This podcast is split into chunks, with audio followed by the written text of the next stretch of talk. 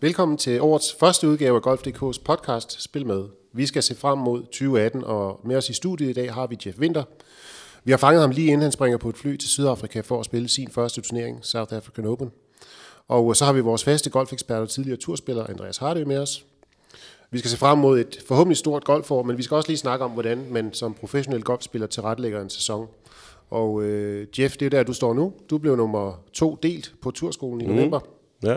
Og du har et øh, kategori 17 medlemskaber i Europaturen. Mm. Hvor meget af din sæson kan du planlægge allerede her i januar? Jeg kan planlægge til dels øh, altså en, en del, vil jeg sige. Jeg, jeg har øh, gode folk, som hjælper mig med at finde ud af, hvilke, hvilke turneringer, som jeg har en chance for at komme ind i, og hvilke turneringer, som jeg ikke har en chance for at komme ind i. Øhm, så det ser ud som om PT, at øh, PT vil spille den i Sydafrika her i den kommende uge. Og så ser det ud til, at jeg er hjemme i i hvert fald 3-4 uger, før jeg skal spille den næste turnering. Det bliver enten i Qatar eller Oman, så må vi se. Og øh, når du siger en del turneringer, hvor mange er det? Det jeg har regnet mig frem til, sammen med de folk, som hjælper mig med det, det er, at jeg får cirkus 18 turneringer. Og så er der plus minus 7 moskéer. Så jeg regner med 18 til 22 turneringer for at være realistisk. Og hvad gør man så? Sætter du dig ned og, og booker en masse flybilletter med det samme, øh, for at spare, spare penge på transport øh, og hoteller og så videre? Jamen altså, det vil, det vil være den opti- optimale måde at gøre det på. Det vil selvfølgelig kræve, at du har en vis, øh, en fornuftig bankkonto, der siger, at øh, du, kan, du kan købe alle de flybilletter, du skal bruge, og booke alle de hoteller, du gerne skulle booke til den kommende sæson. Så man, man, man starter med at booke et par stykker. Jeg har ikke booket nogen endnu. Det vil sige, at jeg har booket den til Sydafrika den kommende uge her. Forhåbentlig. Den har jeg booket. tak for det, har det. Men øh, nej, ellers, ellers har jeg ikke booket nogen endnu. Fordi man vil også gerne komme lidt tættere på, og man får, vi har vores egen intra, intranet, hvor vi ligesom logger på, ligesom firmaer har. Øh, så logger vi på og ser, hvor vi ligger henne på interviewlisten, så kan vi danne os en idé om, om vi kommer ind i turneringen eller ej. Og hvad er det, I kan få at vide på jeres intranet, som vi ikke kan se, når vi går ind på Europaturens hjemmeside og kan se øh, entrylisten osv.? Hvad er det for ekstra informationer, I kan få? Vi, vi får alt det information, som er værd at vide. Altså det, som er med hotel, øh, officielle hoteller, courtesy-biler, bookning af diverse ting, og altså pro-am information og... Entrylisterne er hurtigt opdateret, ikke, end Lige de er på, på hjemmesiden, som, som er offentligt tilgængelig. Det er, Lige præcis. Dem får vi, vi, vi får adgang til entrylisten, hvad er det, tre uger før, ja. tror jeg det er, ikke? Jo. Hvor jeres bliver opdateret første gang 14 dage før turneringen, og så er det ikke helt sikkert, at den er helt up to date. Den opdaterer de måske hver anden eller tredje dag, eller et eller andet, ikke? Mm. Og vores er opdateret prompte konstant hele tiden, ikke? Og vi får mails lige så snart vi rykker en plads på entrylisten. Og, og øh, hvis man har siddet og fulgt med, så kunne man se, at for en uge siden eller to, der så det ud som, om du måske ikke kom ind i turneringen mm. i Sydafrika. Ja, det er korrekt. Og, og nu kan man så se, at du har fået en sponsorinvitation, så vidt jeg kan se. Mm. Øh, men du har måske vidst hele tiden, du nok skulle komme ind. nej, hvis jeg havde, så havde jeg været et orakel. øh, men nej, jeg kunne selvfølgelig ringe til Lasse, for han har altid styr på det der. Lasse Jensen, han er oraklet inden for det der med interviewlister, og hvem der kommer ind, og hvem er sidste mand inden.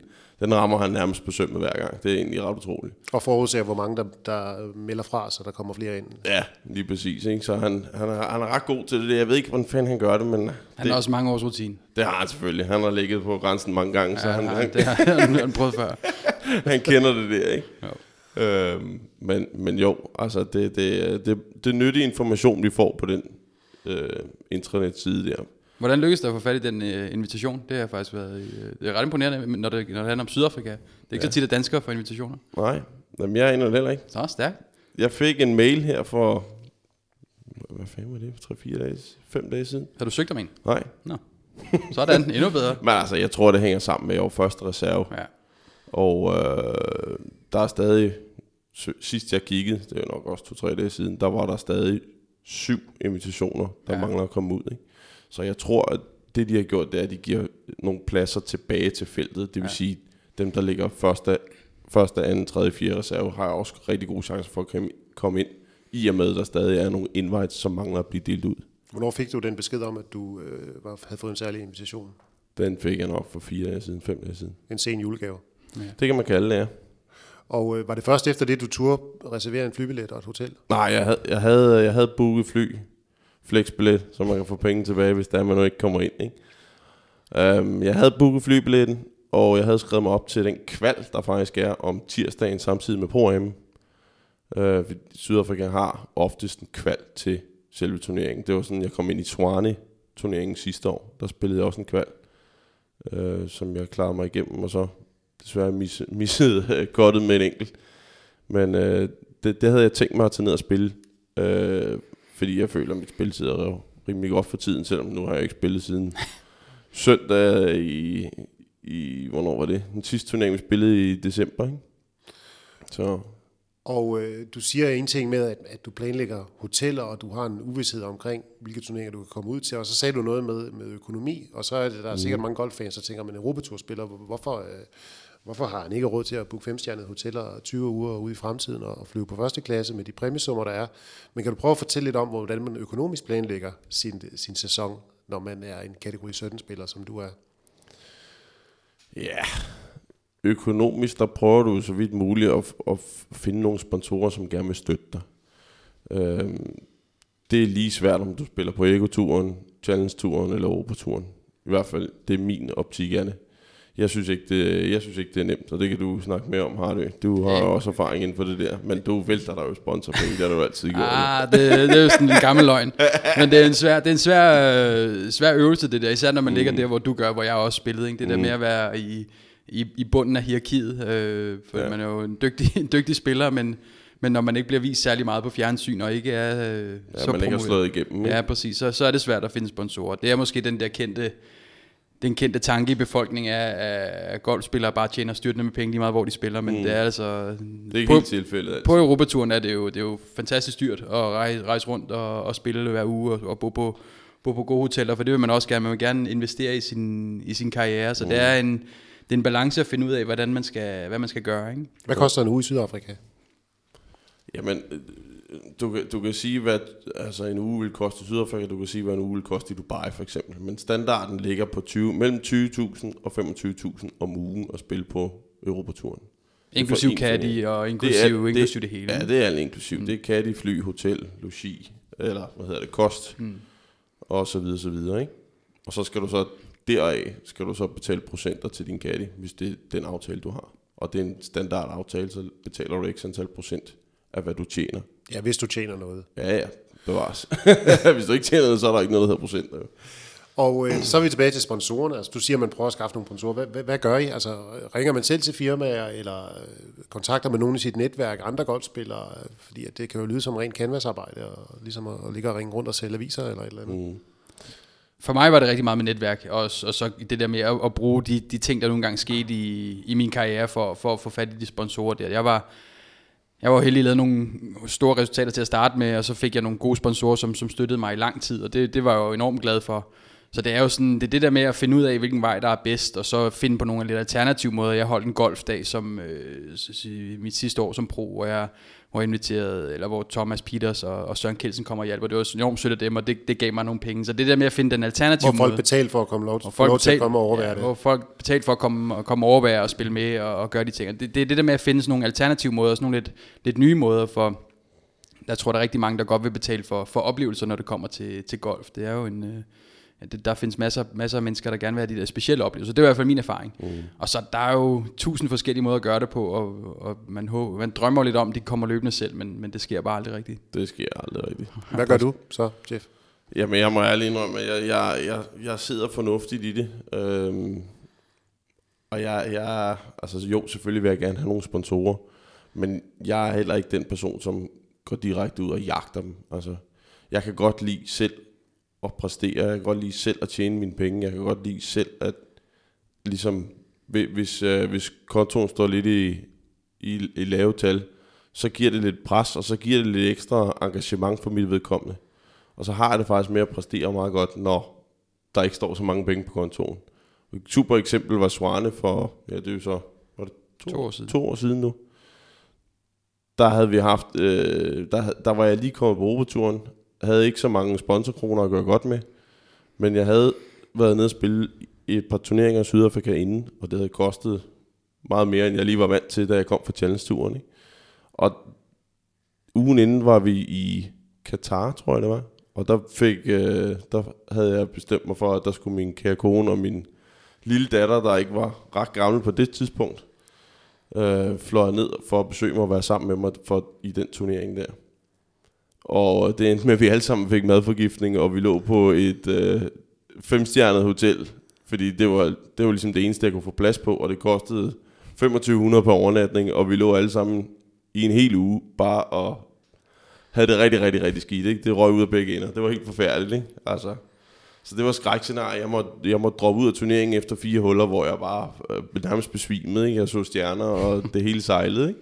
Så det var skrækscenarie, og allerede der, der havde jeg håbet på, at jeg havde skrevet lidt penge sammen, fordi jeg havde nærmest brugt mine sponsorkroner på Sydafrika og Katar. Og øh, så drejede jeg så videre til Sydafrika. Jeg overvejede kraftigt at tage hjem, må jeg lige indrømme. Men så tog jeg til Sydafrika og blev nummer to dernede, og så lige pludselig så stod der en, øh, nogle penge på kontoen igen. Ikke? En hel masse penge, for at være helt ærlig. Så det, det var ligesom... Det er vel stadigvæk den største check, du har tjent. Ja, uden tvivl. Uden ja. tvivl.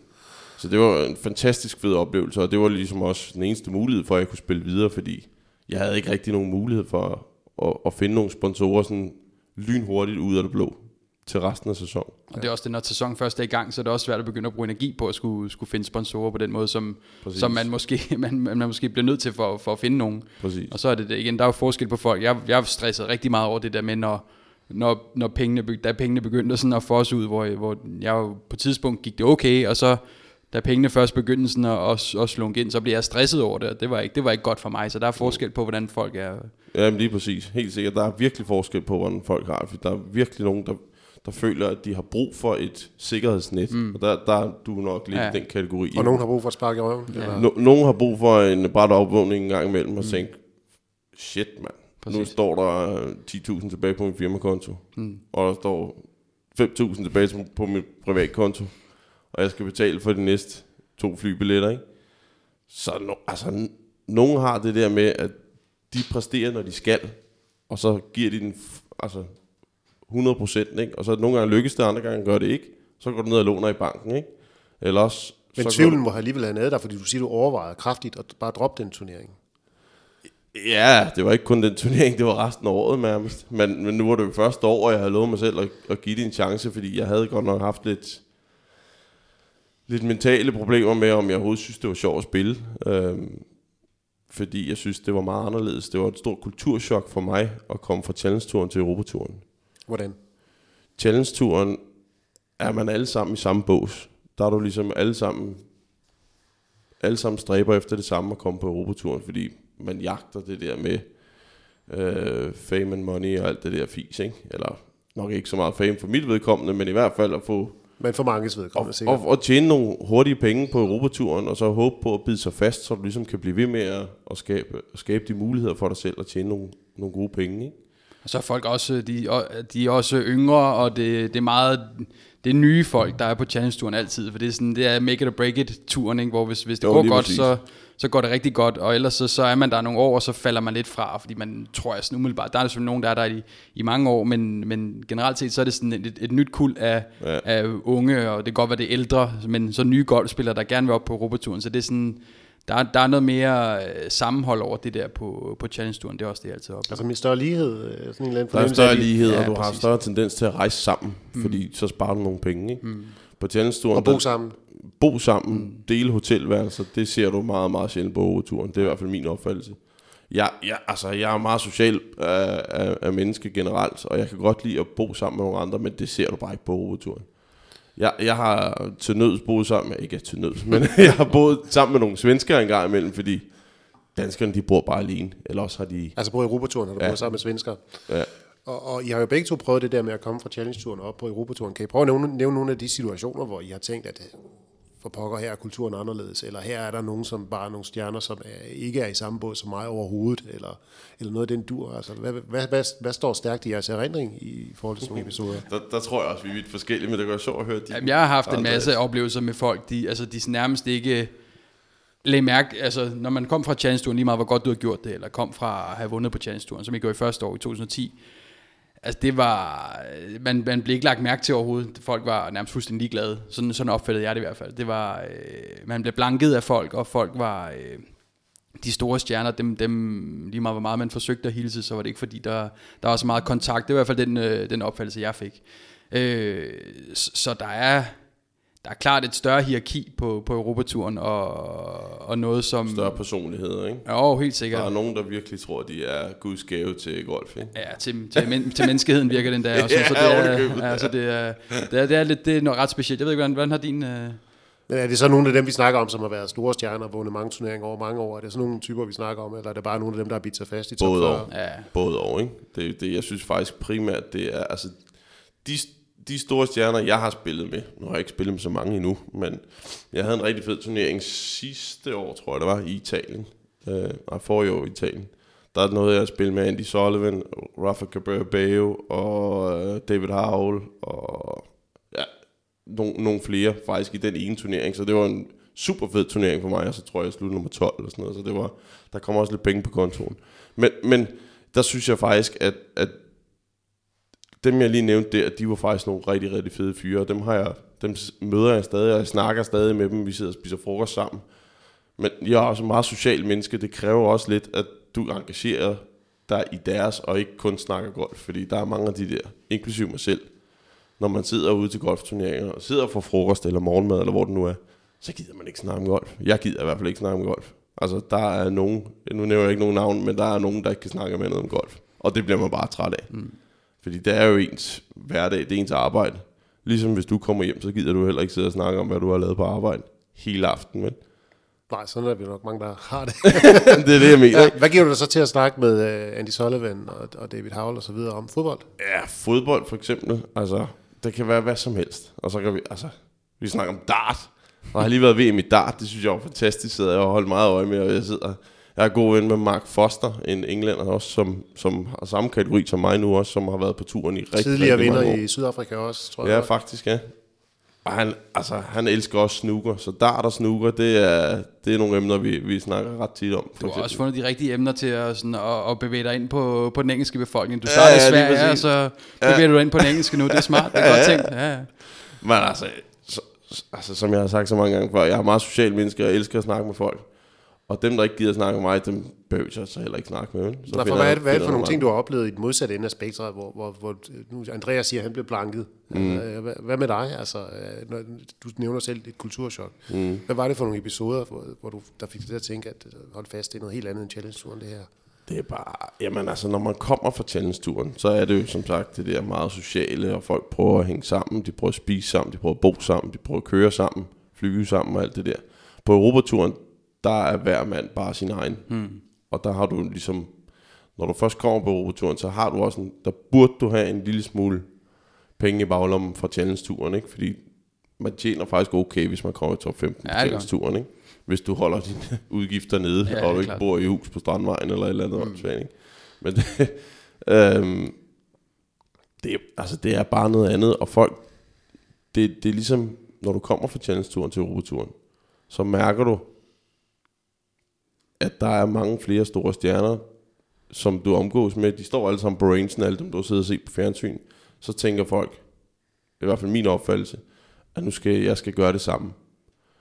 I og med, at du har gjort det godt på challenge-turen, så har du også fortjent at være på roboturen.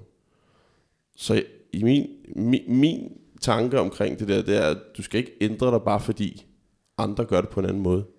Du er kommet dertil, hvor du er nu, på din egen måde. Jeg tror, der er rigtig mange, der brænder nallerne præcis på det. Det, det gjorde jeg i hvert fald. Da jeg kom ud der i 2010 og havde vundet to gange på Challenge-turen, og tænkte, jeg var den største stjerne. Jeg kan tydeligt huske eksemplet nede i Sydafrika på mm. Leopard Creek, hvor Darren Clark stod og slog bolde. Og jeg tænkte, wow, han, det er jo den, den største stjerne, jeg nogensinde havde set på det tidspunkt. Og det var, sådan, det var helt, det var helt ekstremt, og lige pludselig følte jeg også, fordi han stod og slog bold i lang tid, det der 40 graders varme, mm. så tænkte så må jeg også gøre det samme, og det var heller ikke måden, jeg gjorde, jeg gjorde mine ting på, så det, det var, det var sindssygt svært for mig at finde ud af det der med, at, hvordan man skulle gebære sig i, i det der miljø, uden at man, uden at man ændrede så meget på, på sig selv, og jeg havde et forfærdeligt år det første år, jeg var helt, jeg, jeg var fuldstændig kuldsejlet, jeg var slet ikke klar til at spille på, på Europaturen, og det der, jeg vil sige, der er challenge også bedre til sådan at, at forberede folk på, hvad det trods alt er, selvom det er langt fra det samme. Mm. Der er bare et kæmpe kulturschok. Altså, Men, men, men vi snakker for forskellige forudsætninger, fordi jeg, min, min opfattelse er, at der også er mange af dem, der har blivet sat fast på Europaturen, som har sådan et entourage med, altså ikke bare deres katte, men måske også en manager, mm. del af deres familie, øh, og, og plus at de har, øh, snakkede vi lige med Søren Kelsen for et par uger siden, han tager jo til Dubai, og træner, inden han skal ned og spille sin første turnering, og du mm. siger, at du ikke har svunget en kølle siden starten af september dårligt, så der er også dårligt nok, så der er forskellige forudsætninger. Nej, midt december. Midt december, ja. ja. Øh, er det også noget, I oplever, har oplevet som, som øh, en, en verden til forskel? Altså, at, nogen havde en kreds af mennesker med sig, og, og kom anderledes trænet op til sæsonen, end I selv havde mulighed for? Nej, man kan, man, man kan jo selv vælge, kan man sige. Jeff har jo også haft mulighed for at tage til, til Dubai nu her, hvis, hvis han havde haft lyst til det, og, og sikkert også haft råd, når jeg skal huske at snakke om øh, økonomi, men det er jo det er jo det der måde, man, forskellige, man, man gør tingene forskelligt på, og, og det er rigtigt, at der er flere, der måske havde mere familie med og sådan nogle ting og sager, men, men det er ikke fordi, det er den store forskel, for det er også på, på Challenge Tour en gang, men så er der også nogen, der har deres familie med ude, så, så, så på den måde det er ikke det, der, det, jeg synes, der er den store forskel. Det er mere, er mere det der med, at det er sådan en, det er mere hver mand, mand sin, sin egen ting på, på Europaturen, end det er på, på, på Challenge-turen og, og, og, og laver nede i rækkerne. Lige præcis. Det der har du siger med, at altså, på Europaturen er hver mand sin egen chef.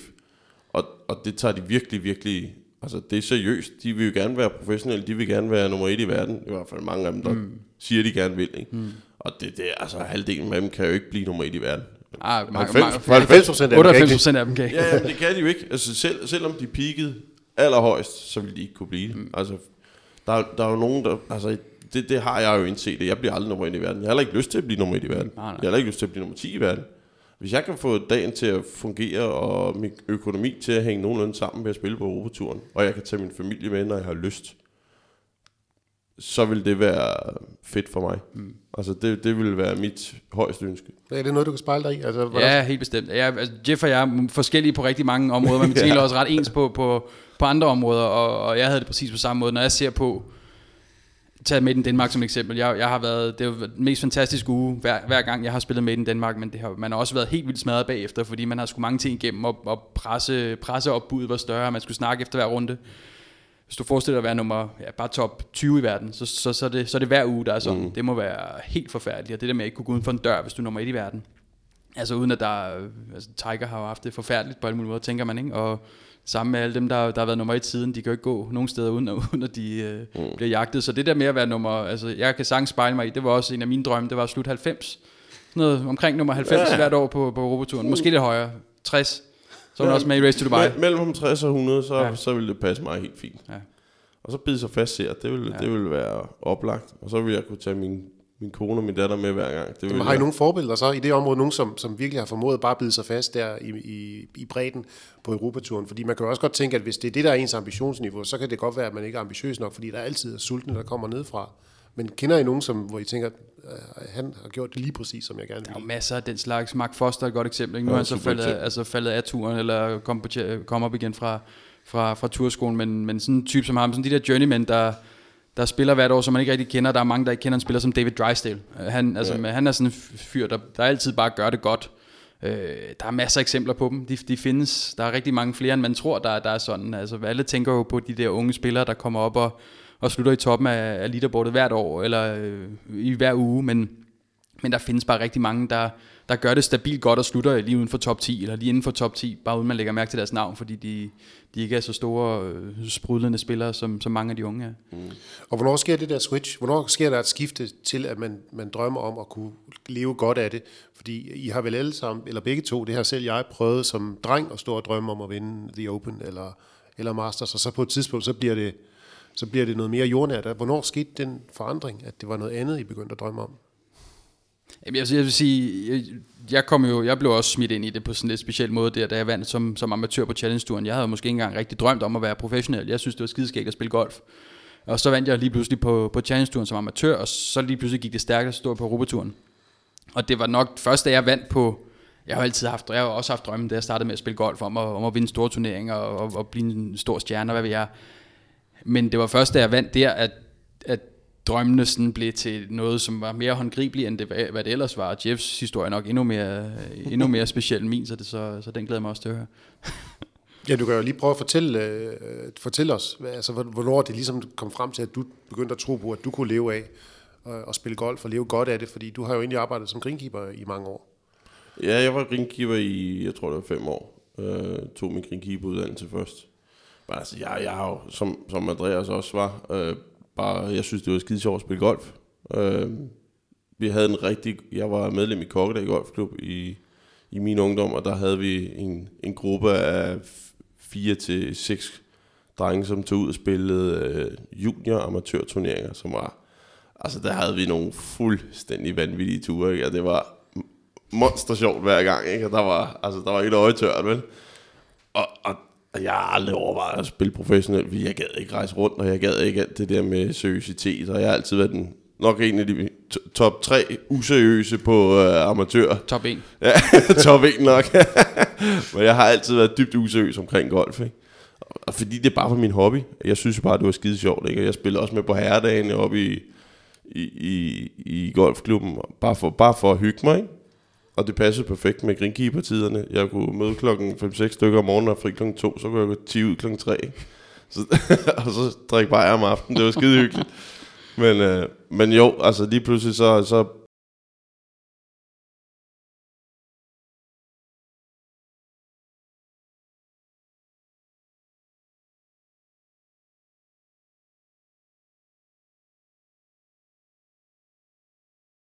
Så kom der en erhvervsmand hen til mig øh, efter at arbejde op på niveau, hvor jeg stod og pottede lidt for at få tid til at gå lidt. Så kom han over, og så sagde han, øh, kunne du ikke tænke dig at prøve at spille lidt øh, professionel golf? Jeg sagde, ah, det ved, jeg, det ved jeg ikke rigtigt, og det ene og det andet. Og han, han, var, han var gode venner med den- tidlige tidligere ejer derop, som han så gik ind og tog et møde med og besluttede sig for, at øh, han ville gerne sponsorere mig en lille smule, hvis jeg gad at spille for niveau på deres divisionshold. Så sagde jeg, det kan vi da godt prøve. Så gik jeg ned på 20-25 timer om ugen som greenkeeper. Øh, jeg tror aldrig, jeg nåede at have de der 20-25 timer om ugen, så det var, det var en bjørntjeneste, de gjorde mig deroppe. Ikke? Og så tror jeg, nummer 5 eller 6 turnering, jeg spillede, vandt jeg så. Øh, jeg kan ikke engang huske, hvor det var henne nu. Skal jeg kigge på mig? Jeg ved det ikke. Nej, nej, jeg ved det heller ikke. Så det, Så du kan simpelthen ikke huske, hvor din første turneringssejr den fandt sted. Nej, jeg er ikke lige, jeg er ikke lige på siden af fod lige nu. Men, øh, men det, det, var en su- super fed oplevelse. Øh, det var på Rømø, tror jeg faktisk, det var. Kommer lige til mig nu. Øh, God gamle Rømø. god gamle Rømø, der har jeg gode stats fra. men øh, så tænkte jeg, jo, det, det, det var da meget sjovt. Det var da fedt. Så gav jeg lidt penge på kontoen. Det var selvfølgelig en helt anden prisleje end, end på challenge og på Europaturen, men det havde man jo slet ikke i tankerne på daværende tidspunkt. Der var man stadig greenkeeper og arbejdede 20-25 timer om ugen. Og Ja, fordi en sejr, en sejr på ekoturen, den giver hvad, 50.000 kroner. Ja, noget af den dur, ikke? Ja, ja. 10 gange mere, end hvad man kan få som amatør, når man vinder de der Ja. ja. øh, rundt regnet, ikke? Bestemt, ja. Mm-hmm. Så, så det var jo meget underholdende. Og så, så kom krisen faktisk, og så var vi tre, jeg tror det var tre eller fire greenkeeper, der blev afskediget op i Niveau Golfklub. Så stod jeg lige pludselig uden job, og så anede jeg ikke, hvad fanden jeg skulle. Så tænkte jeg, hvad der hvad? Hvorfor ikke prøve nu? Nu har jeg muligheden. Så det gjorde jeg, og der havde jeg en, øh, min daværende, eller min, min, min kone, som var min kæreste dengang, øh, tjente rigtig gode penge, og så betalte hun huslejen, og så spillede jeg golf, og så spillede jeg lidt i, når jeg, når jeg havde vundet nogle penge. ikke? Og så tror jeg, jeg sluttede nummer 8 det første år på Nordic League, Ekoturen og den svenske tur kombineret der. Og så gik jeg så igennem året efter og spillede på Challenge-turen. Og, og, Så det skete sådan helt whoopty-whoopty. Øh, og i hele den der proces, nåede du nogensinde at tænke over, hvor langt du kunne tænke dig at nå? nej, jeg tænkte bare... Du spillede bare. Jeg spillede for hyggens skyld, og, og så selvfølgelig for, for at se, om jeg, kunne, om jeg kunne komme videre. Og det har bare været sådan et skridt ad gangen, stille og roligt, og så jeg spillede to år på Ego-turen, to år på Challenge-turen, og nu spiller jeg så mit tredje år på Europaturen. Så det har bare været sådan stille og roligt skridt frem, og jeg føler, at jeg, jeg, har, jeg har spillet til at, at være med på, på den højeste tur. Men der er også sket et skifte, fordi at du blev forsørget af din kæreste dengang. Mm. Og nu er det jo så dig, der snakker om, at du godt kunne tænke dig at tjene nok til, at de kunne rejse med dig, mm. øh, hver gang du har lyst til det, eller hver gang I har lyst til det. Ja. Så hvordan har du det med, at nu, nu er det fra at blive en hobby, så er det jo blevet et ansvar og en job og et karriere. Mm. Hvordan har du det med det? meget, meget op og ned, må jeg lige indrømme, fordi det kan virke, altså sidste år, der overvejede jeg også at stoppe. må jeg lige indrømme. Halvvejs igennem sæsonen, der synes jeg ikke, det var sjovt. Jeg havde virkelig, virkelig... Altså, det, det var så gralt, at jeg faktisk skal snakke med... Jeg satte mig ned og havde en halvanden time snak, både med Søren Gelsen og med Anders Hansen, bare for at høre, hvad deres øh, tanker bag deres karriere og deres valg var. Øh, fordi jeg var virkelig meget i tvivl, og jeg havde virkelig ikke lyst til at spille. Øh, og de, de hjalp mig rigtig godt på vej, faktisk. Hvad var det for, hvad sagde de til dig?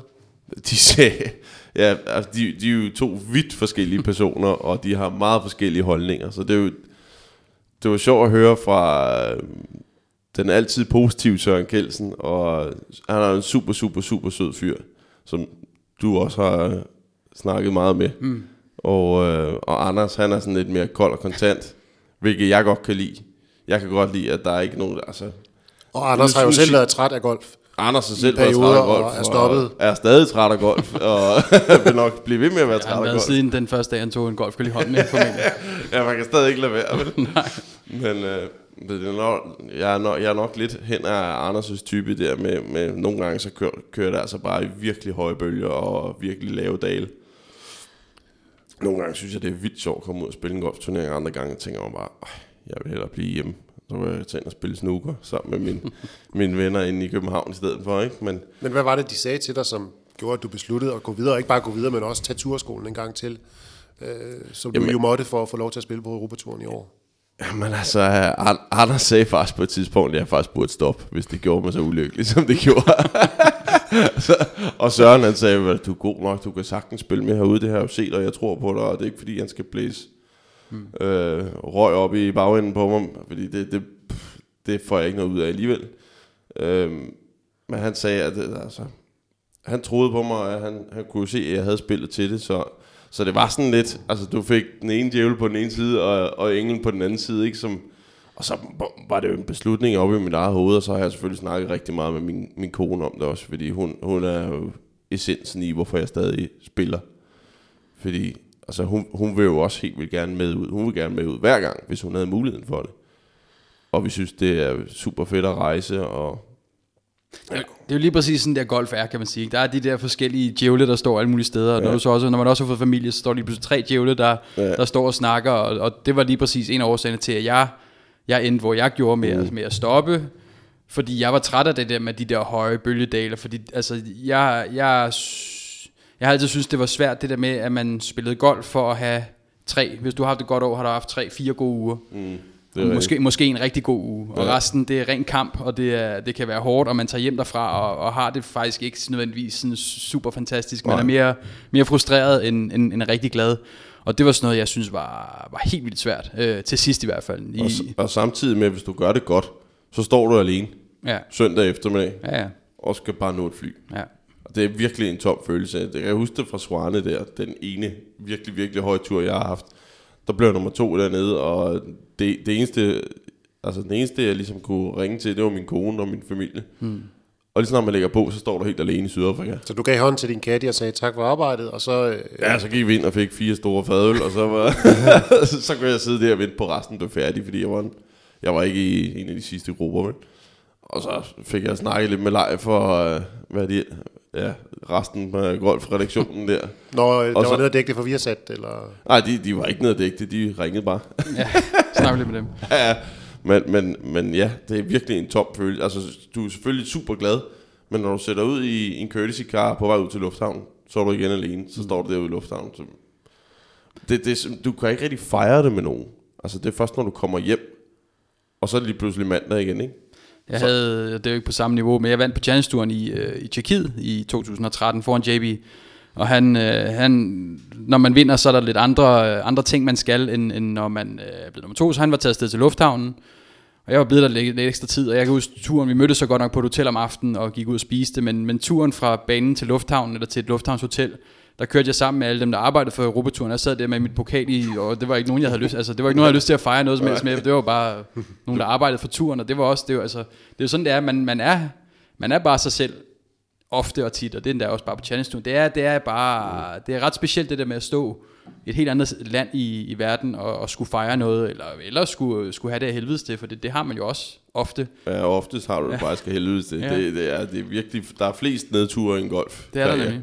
Og det, og, og det, det, er, det skal Og- man og være bygget af. Hvad er nedtur i jeres optik? Er det også slut nummer 40 at få en beskeden check med hjem, som, som dækker udgifterne og lidt til, men ikke rigtig hjælper dig på Det ranglisten? kommer an på, hvor man står. Man kan sige, hvis man har spillet forfærdelige ugerne op til, så kan det være en kæmpe sejr, bare klar kottet, og så, så, så er slut nummer 40 jo stort. Men hvis man føler, man spiller godt, og man så slutter nummer 40, eller har været i top 10 og spillet sig ned til nummer 40, som vi også har prøvet begge to, mm. altså så, så føler man, det er, det er spild af tid. Og igen, pengene er jo super fine. Selv som nummer 40 kan du godt tjene nogle penge, men selvfølgelig er det også vigtigt, men, men der er meget mere i det end det. Man vil jo gerne præstere, man vil gerne gøre det godt for sig selv, og man vil gerne gøre det godt for dem, man nu har siddende derhjemme, og der, der giver en masse op for, at man, man tager ud og spiller de her turneringer. Så der er sindssygt mange, der er enormt mange ting oven i hovedet, der, der skal passe sammen, og det, det er bare, det er sværere end som så. Men begyndte du at have det sådan på et tidspunkt, at begyndte at tænke, at selv hvis jeg begynder at spille rigtig godt og har kæmpe succes, så er jeg ikke sikker på, at jeg gider det her, fordi det også er ensomt at være succesfuld på turen. Nej, det, nu skal jeg, skal jeg ikke så sige, fordi hvis, hvis det var gået rigtig godt, og det har jeg også snakket med min kone om,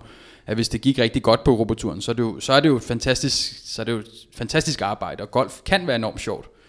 Og hvis det var gået godt, og jeg havde spillet fantastisk de næste mange år, så havde jeg også fortsat. Men der, hvor jeg var nået til min karriere, og var, havde været på Europaturen, og røget ned på Challenge-turen, og ikke kunne præstere på Challenge-turen, mist kortet på Challenge-turen, der var jeg bare nået til et sted, hvor jeg ikke kunne se mig selv bygge det hele op igen. Øh, Der er også lang vej. der er enormt lang vej, fordi man er, man er mentalt drænet, og man kan ikke forstå, hvad der, der sker. Man føler, man gør tingene rigtigt, men det fungerer bare ikke. Og, altså, så, så, der nåede jeg til et sted, hvor jeg, ikke- det kunne jeg slet ikke se for mig, at jeg skulle, jeg skulle gå den anden vej igen. Så, så der, er, der er bare så mange mentale ting i det, det er helt vildt.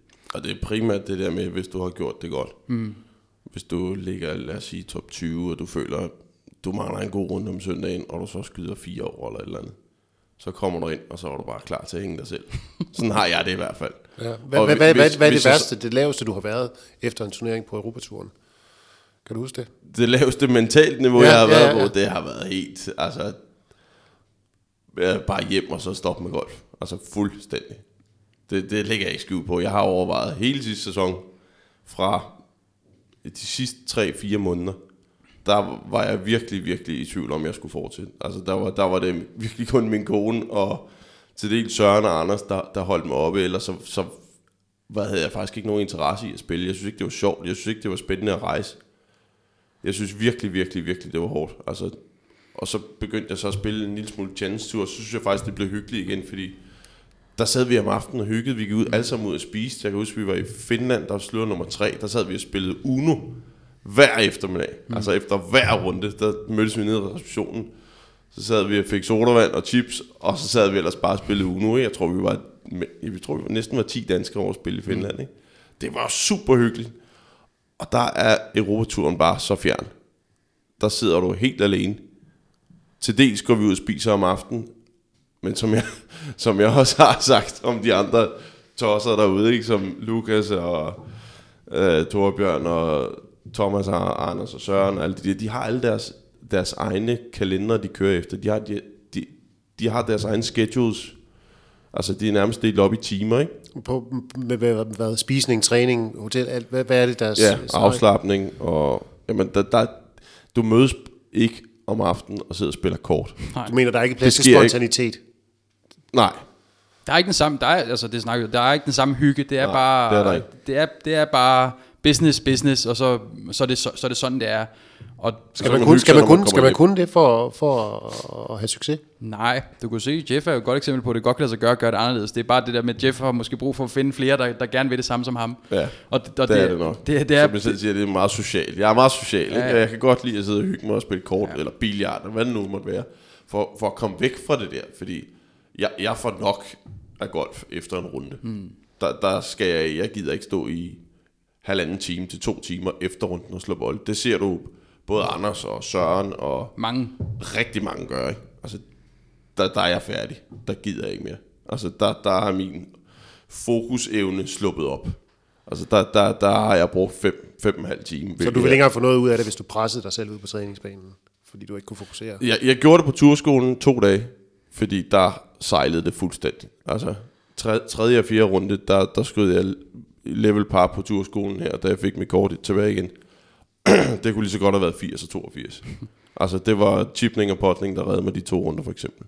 Der, der tævede jeg virkelig igennem, og jeg synes ikke rigtigt, altså, jeg, jeg fandt ikke rigtig noget, men, men alligevel fik jeg præsteret at få mit kort tilbage. Altså, Og, og vi er jo en del danske golffans, der sad og kiggede på Europaturens hjemmeside og fulgte mm. med i, hvordan du spillede på, på turskolen.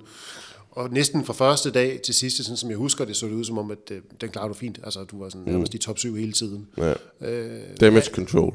Damage control. Men er det igen noget af det her med, at, øh, at det er du god til? Altså, når du har Det er blevet for, bedre. kniven for struben, fordi du klarede jo også turskolen sidste år, og det er jo ikke nemt. Altså, det er jo et, et nåleøje med ja. rigtig mange gode spillere. Men det Der er kniven rigtig mange gode spillere, og så er der rigtig mange semi-gode spillere. Der er, der, er- altså, I min optik er der forskel på, på mange golfspillere. Nu ser du, øh, hvis du går ind og kigger på feltet på turskolen, der er altså rigtig mange gamle, kendte spillere, mm. som gerne vil tilbage på Europaturen, som, som, som spiller turskolen. Og så er der mange upcoming. Der er mange, som har klaret sig igennem second stage, fordi de har haft en rigtig god turnering. Mm. Altså måske to gode turneringer, first og second stage. Men altså, de, de, de klarer den aldrig. Altså, De klarer den aldrig. Nej, de, de, det- de har det- ikke det, der det- skal til for at have en god turnering under det pres. Eller? Nej.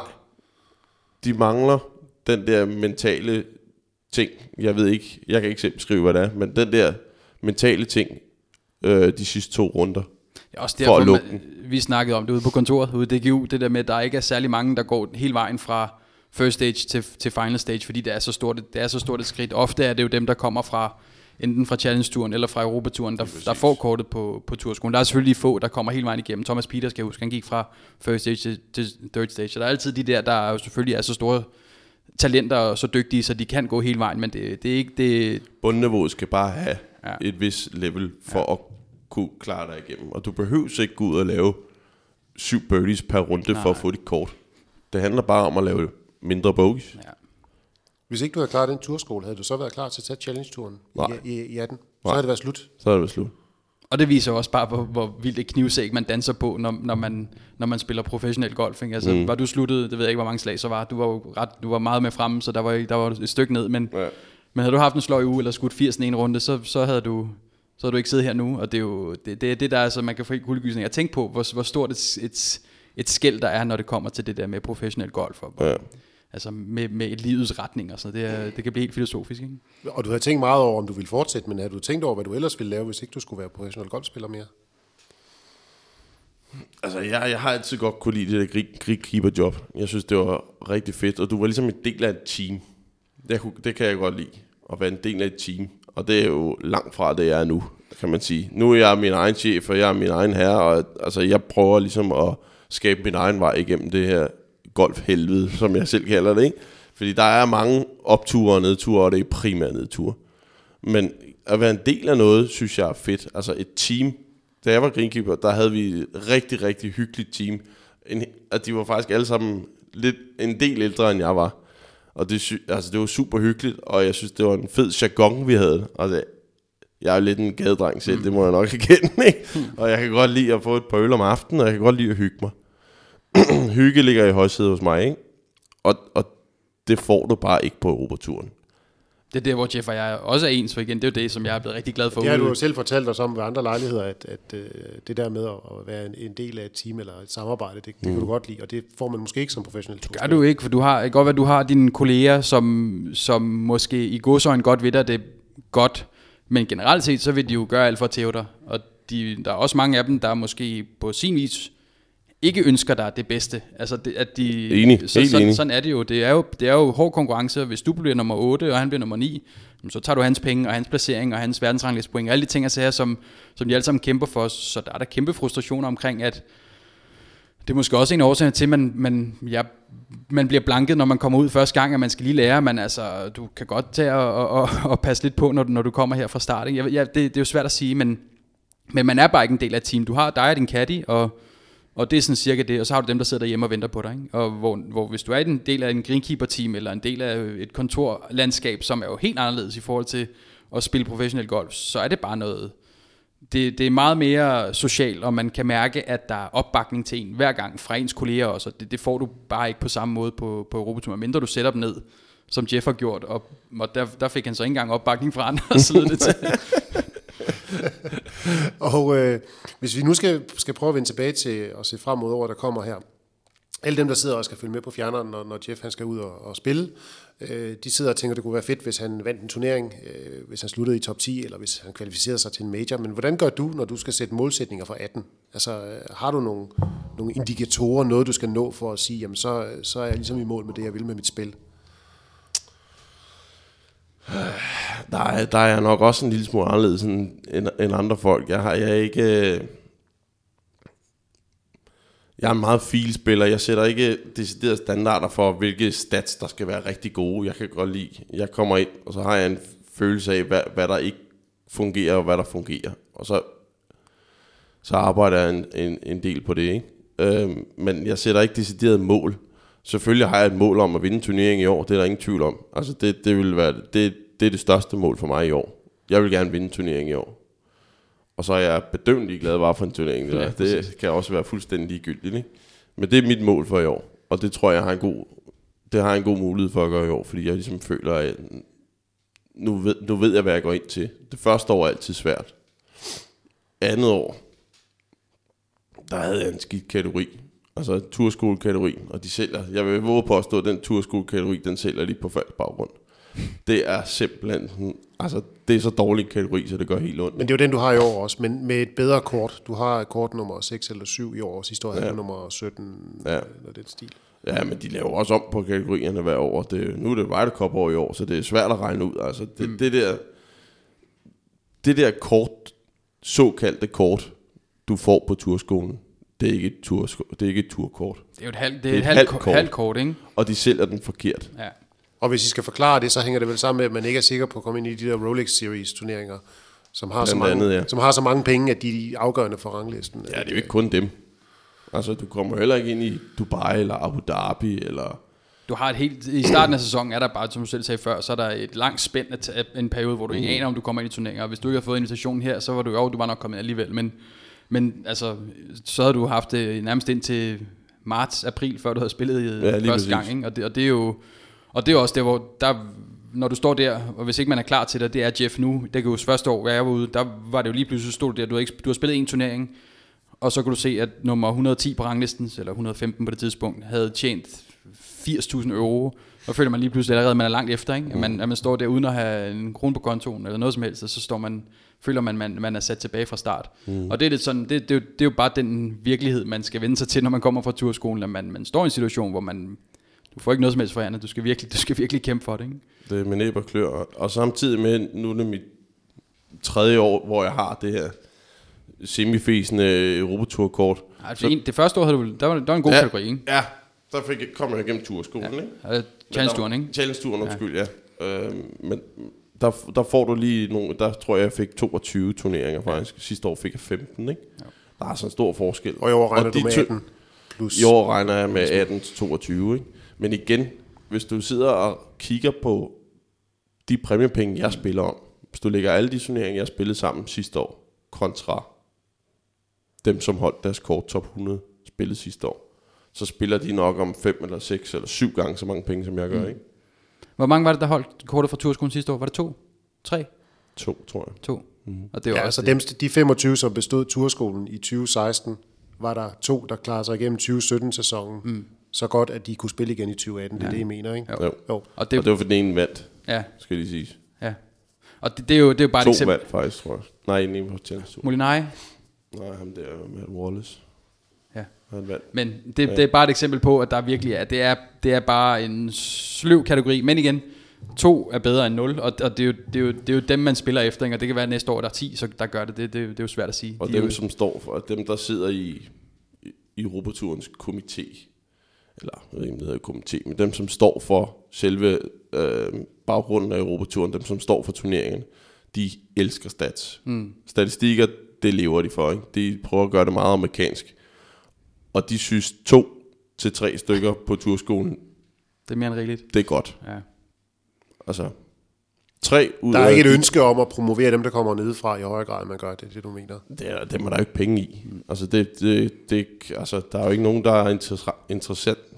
Det Hvis kan jo blive en helt anden snak. Det, det kan blive en helt anden snak, ja. Det der med at fortælle og begynde at snakke om, hvordan strukturen skulle være. Og det er måske også let at sidde her, når man ikke ved helt nok om det, men, Ja, ja, men der, er- der er masser af ting, som, som man når man har selv har været i den situation, at man føler godt kunne være anderledes. Det, det er der slet ingen tvivl om. Altså, I tror, der er mange unge spillere, der føler, at dem, der har været der i flere år, de sidder, de sidder lidt for godt på flæsket og lidt for svære ved papiret. Ja, og så igen det her med, at, at turskoolekategorien er så dårlig. De, de sælger den som et roboturkort, men det er, det er bare ikke noget godt de, kort. De altså. kalder det et fuldt kort, ja. men det er det jo langt fra. Hvis du sidder og kigger på, hvor mange turneringer der er på en sæson, hvad for nogle turneringer kan du så komme ind i?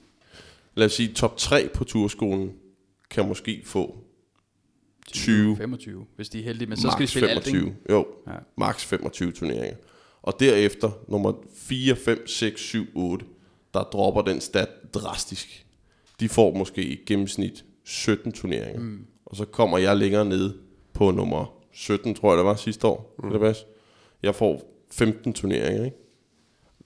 Små turneringer. Ja, små det- turneringer. Og derefter så er, giver det nogenlunde det samme. Altså dem, som har mistet deres kort, de får 13 turneringer. Og, altså, fordi så, hvi- hvis, den, hvis øh, kotgrænsen på entry-listen når hele vejen ned igennem turskolen, så kommer alle ind.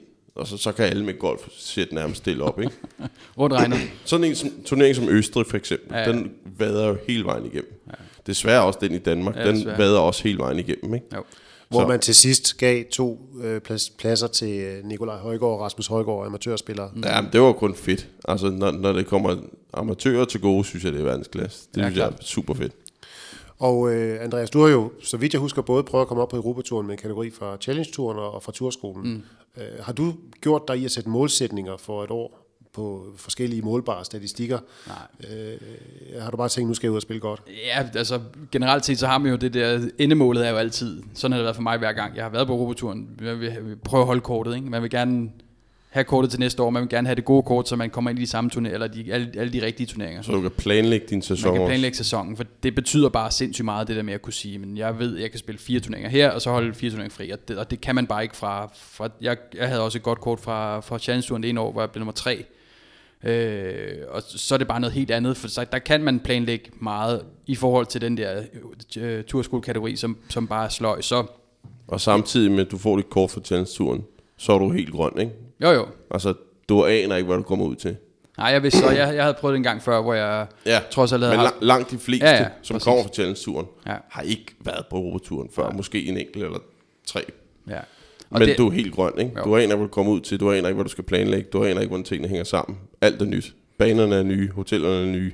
Og der er jo masser, der vil sidde og sige, at de har bare et mål om, og det sagde jeg måske også på et tidspunkt, at det, det skulle bare handle om at have det sjovt, og la la la la, men alle har lige meget været, så, så det største mål, der findes for dem, der kommer op på Europaturen, dem, der er på Europaturen generelt set, det er at slutte i top 110, er det nu igen, mm. og have kortet til næste år. Det er det, det, det handler om. Det er, det er det der med at have et job året efter, fordi hvis ikke du gør det, så skal du ned på turskolen, og så ved du, så bliver kampen lang igen. Så, så, så det er generelt set, det, det er det, alle drømmer om, og det alle går efter hvert år. Men hvad så med øh, sådan noget med at planlægge resten af sit liv? Fordi en ting er at planlægge sine turneringer, men altså, du har jo også et barn, og kan, kan du, hvad kan du lægge af planer for din, din fritid i forhold til øh, børnefødselsdag eller familiedag, alt sådan noget? Altså, der må også være nogle omkostninger og nogle vanskeligheder, tænker jeg. Ja, altså nu, nu, nu, nu når, når man rejser så meget, som en golfspiller nu gør på Europaturen eller Challenge-turen, hvor det nu end måtte være, så har du rigtig mange dage væk. Altså min datter har for eksempel fødselsdag på mandag, ikke? Jeg er ikke hjemme på hendes fødselsdag. Det er bare ærgerligt. Altså, det er der ikke noget. Hun er heldigvis ikke så gammel nu. Hun fylder kun tre. Så, så, men, men det bliver jo ikke sjovere, når hun fylder fem eller syv, eller hvor hun ligesom ved, at nå, far er hjemme på min fødselsdag igen. Mm. Ikke? Det, det, det, det er mere det, der bekymrer mig i og med, at jeg har nogenlunde styr på min økonomi lige nu, fordi jeg har tjent stadig penge sidste år, selvom det nok lige løb rundt i nul, ikke? Øh, fordi der er mange udgifter, og som jeg siger, det koster 20-25 om ugen at spille, ikke? Med, med alt inklusiv. Men altså, det, det, det er det der med, at man gerne vil vide, at ens base er sikker. Det kan jeg godt lide. Jeg, der er en, lige der er en tryghedsargument. Jeg kan godt lide, at min kone skal have det godt, min datter skal have det godt, og de skal kunne gøre det, som de gerne vil. Mm. Øhm, og det, det er essensen for mig. Og så, så er jeg sgu ikke ligeglad med, hvad for et hotel jeg bor på, eller Men jeg tror tilbage til, altså det der med, det var også en af de ting, som jeg, jeg så som sværende svær i fremtiden også for mig. For det første spillede jeg dårligt, og jeg havde mistet mit kort både på Europaturen og Challenge-turen. Men at stå der også med en kone nu, og i fremtiden også få et barn og sådan nogle ting, og sige, at jeg vil synes, det, jeg synes, det det var svært. Også at høre om nogle af de andre, der... Igen det der med at være væk på børnefødselsdage, og være væk fra barnets op, altså første Opvækst, opvækst. du misser rigtig meget. Misser rigtig meget, og det vil jeg synes var enormt svært. Og det igen, det kan også lyde som en undskyldning for, endnu en undskyldning for at trække mig.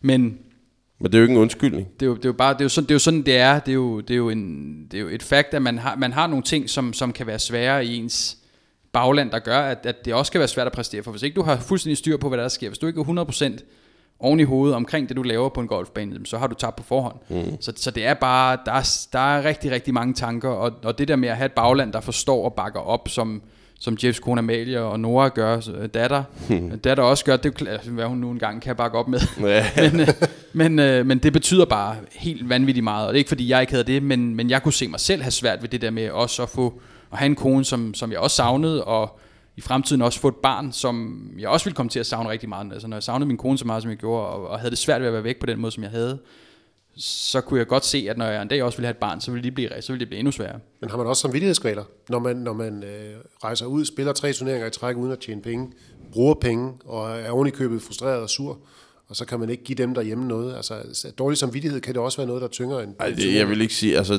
i, i det her game, der bliver du nødt til at bruge penge for at tjene penge.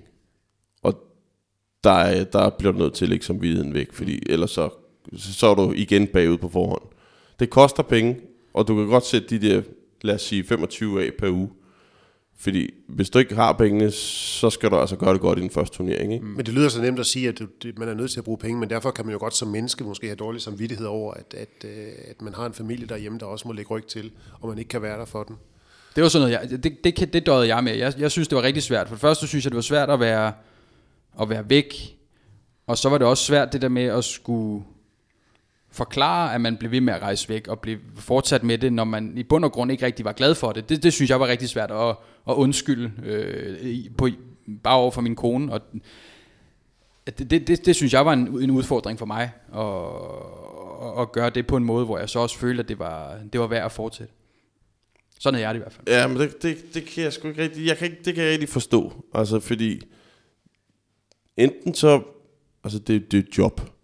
Ja, Du ja. rejser jo ikke væk for din egen skyld. Nej, men det Du gør rejser væk for at tjene penge. Du rejser væk for at ligesom præstere. Ja, ja. Og give din familie muligheden for at gøre det godt. Jeg ved, altså, det, det er ikke for at sable dig ned eller noget Nej, men- men men, er men, jo- men det er et job. Du gør det, fordi du skal. ja, og der er jo masser af ting, man... så der er man, ikke nogen, det, er ikke, det er jo ikke en undskyldning, at du rejser væk, i og med, at du ikke synes, det er sjovt. Altså, der er mange, der ikke, altså, der, er mange, der ikke gider møde op på arbejde en mandag, fordi de synes heller ikke, det er sjovt at tage på arbejde mandag. vel?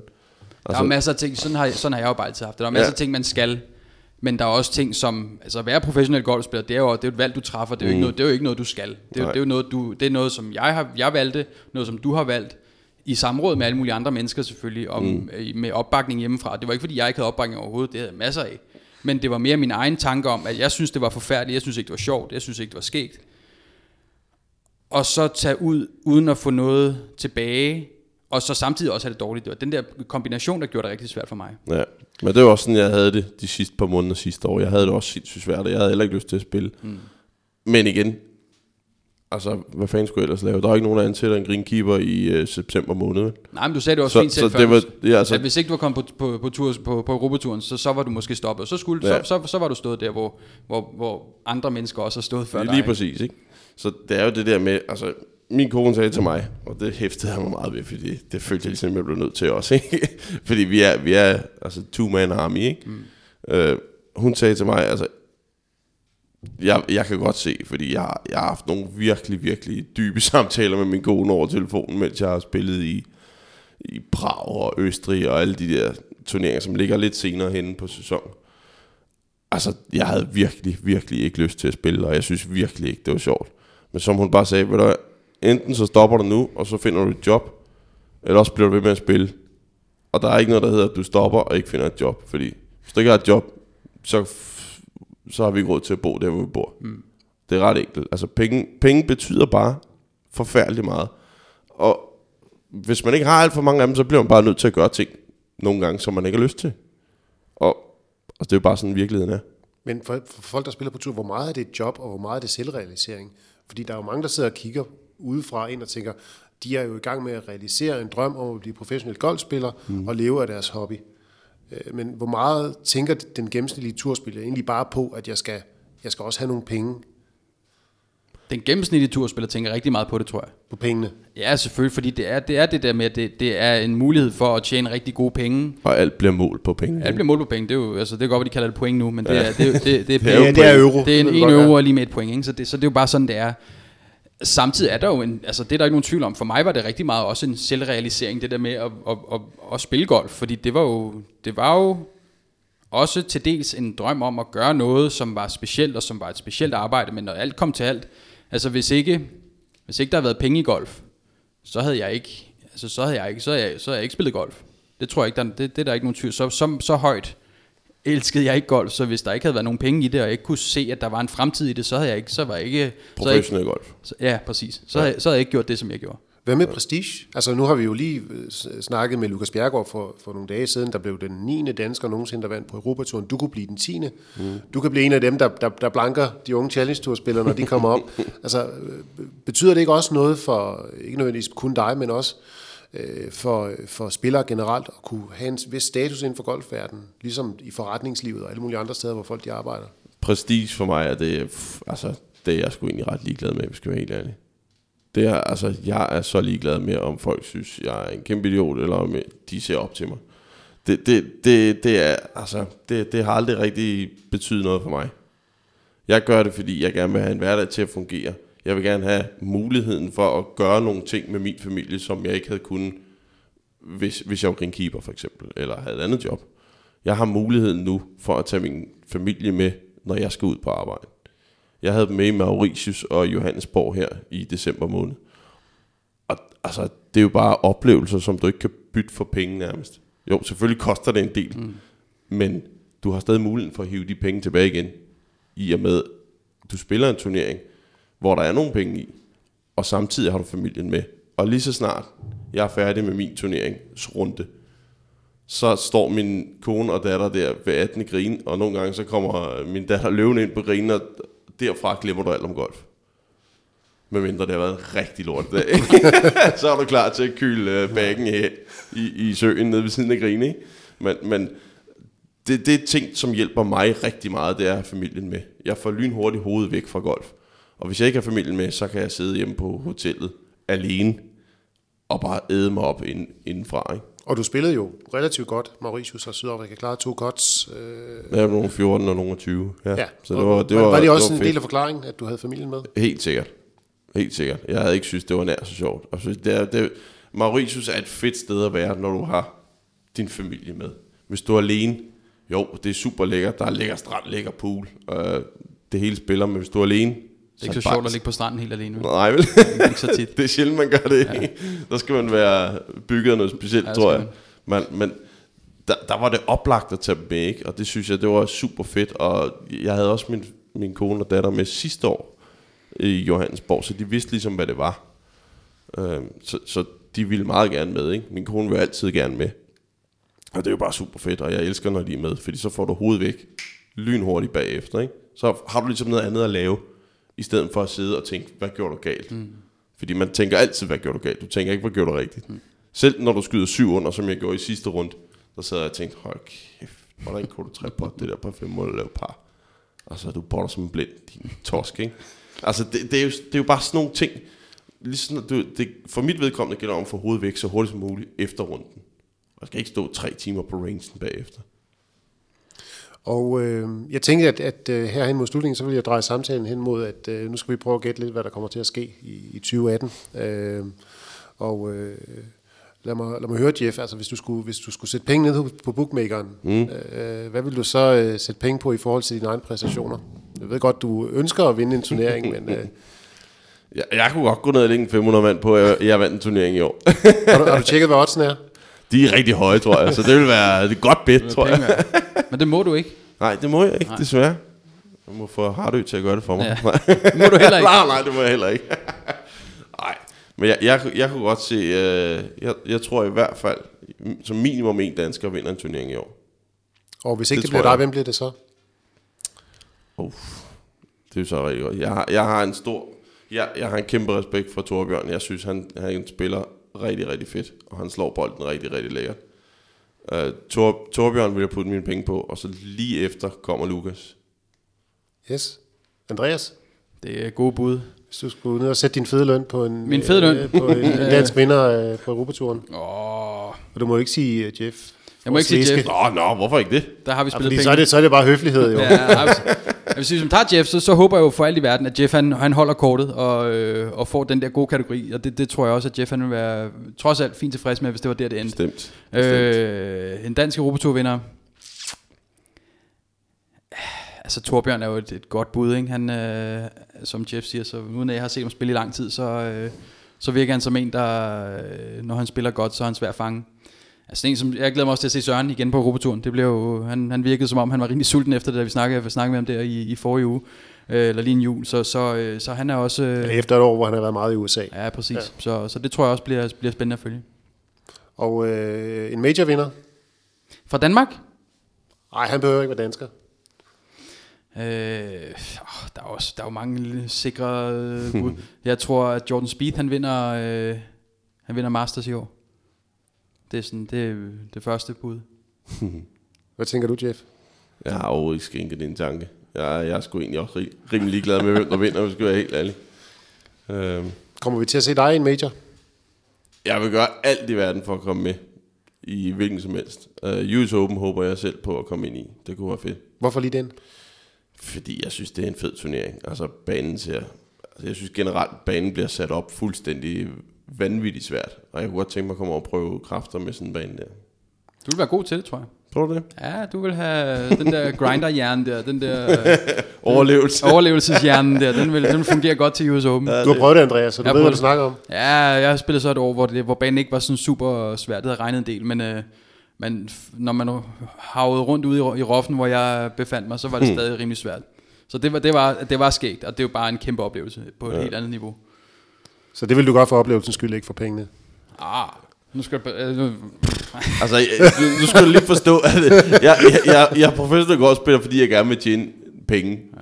Altså, det, det er ikke for hyggens skyld, jeg gør der det. får du Det også må penge for miskottet. Ja, du får penge for at bare stille op. Ja, det gør. Så, det, der det er dækker penge. da i hvert fald flybilletten og Det gør lidt af det. dit hotel, har jeg hørt. Præcis. Og uh, Tiger Woods, kommer han til at vinde i år, Jeff? Nej, Jeg tror det heller ikke. Det tror jeg ikke, det var I enige om. ja, jeg, han har aldrig sagt mig noget. Han har gjort usandsynligt meget for den her sport, og altså, Jeg har altså fået, fået på nakken af Thomas Bjørn en gang for at have sagt lige præcis det der. ja, men nu er Thomas Bjørn også en af mine gode venner, så vi, vi Altså, du slapper må, mere, helt af. du må mere, end jeg må. Ja, ja, Ja, ja, ja, ja, ja. Jeg siger ingenting. For at sige, at Tiger Woods ikke vil vinde igen. Ja, mere eller mindre. Det var noget, den dur. Ja, ja, jeg har ikke nogen fidus til ham. Men afhængig af, hvornår du sagde det, så fik du ret. Jeg har fået, og det er, jeg kom i gang til at sige, at Tiger Woods ikke vil vinde vinde major igen. Og indtil nu har jeg haft 100% ret. Ja, det gør han heller ikke. Det tror jeg da helt nej. Jeg tror ikke engang, han kommer til at vinde turneringen igen. Nej, det er, altså man, på en eller anden måde, så står man jo et sted nu, hvor man lidt håber på, at det godt kunne lade sig gøre, for, også for hans egen skyld, men også lidt for, godt, for, for, for en masse forskellige skyld, kunne jeg godt se mig selv, synes, at det var fedt, at Tiger Woods vandt en turnering, og han måtte sådan set også gerne vinde major, selvom det ville ødelægge mit, øh, mit bud for, fra for seks år siden. Jamen det er fornemt. Øh, Jeg tror, vi siger tak for i dag. Det var så øh, den første udgave i 2018 af, af vores podcast Spil Med, som du kan høre på SoundCloud, iTunes og dine andre øh, øh, podcast-apps, eller selvfølgelig på golf.dk, Danmarks mest læste golfsite. Tak for i dag.